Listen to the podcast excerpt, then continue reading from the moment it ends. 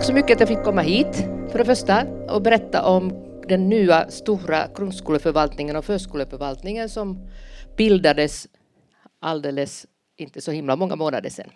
Det som vi jobbar med är ju med våra styrdokument men det som jag vill ändå säga, det som jag brinner för, det är ju de här kulturens olika element och speciellt den fjärde är vi ju inte särskilt bra på på skolvärlden.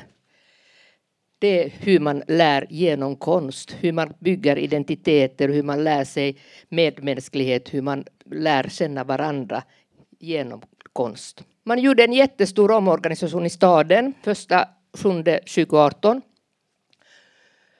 Och det som hände var att vi, ta, vi tog över 8000 medarbetare till grundskolan nästan 6 000 medarbetare till förskolan och bildade två jätteförvaltningar. Så ni förstår, allting är inte på plats än. Även de som skolorna och förskolorna ligger där de är. Och det är ju tur det.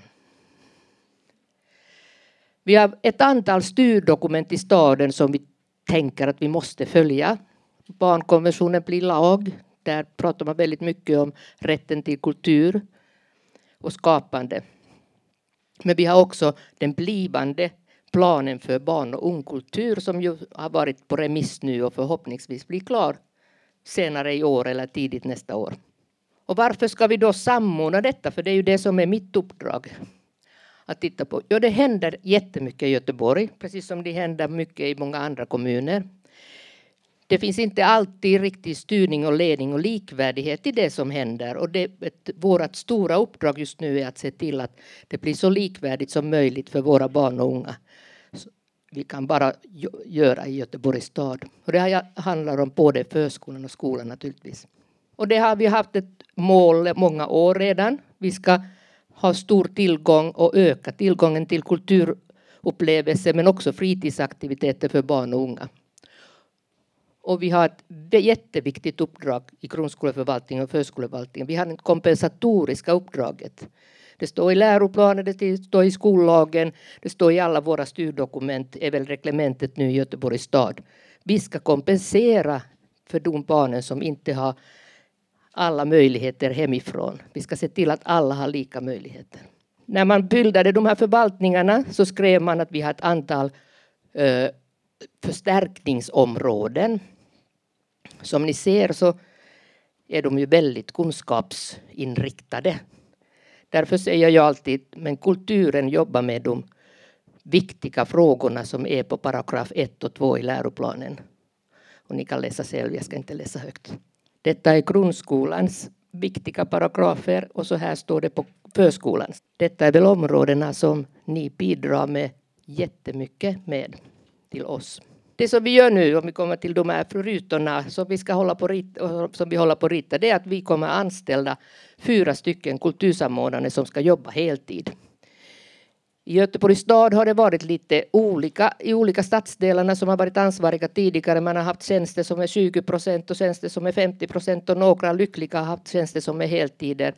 Nu gör vi sex totalt, fyra på grundskolan, två på förskolan som ska jobba som kultursamordnare för, i våra förvaltningar tillsammans med de andra förvaltningar som jobbar med frågan. Och ni ser också vad vi skriver om deras huvuduppdrag. En viktig del i arbetet framöver är att vi har kulturombud i alla skolorna och förskolorna. Det har vi idag också, men också lite olika styrkor i de här personernas uppdrag. Ibland har man tydligt sagt från, från chefernas sida du har x antal timmar och ibland får man göra det med lite vänsterhand när man hinner. Men där kommer vi trycka hårt på att det måste vara uttalad tid, lite beroende naturligtvis stor, stora enheter man har. Och här är det också vad deras uppdrag är.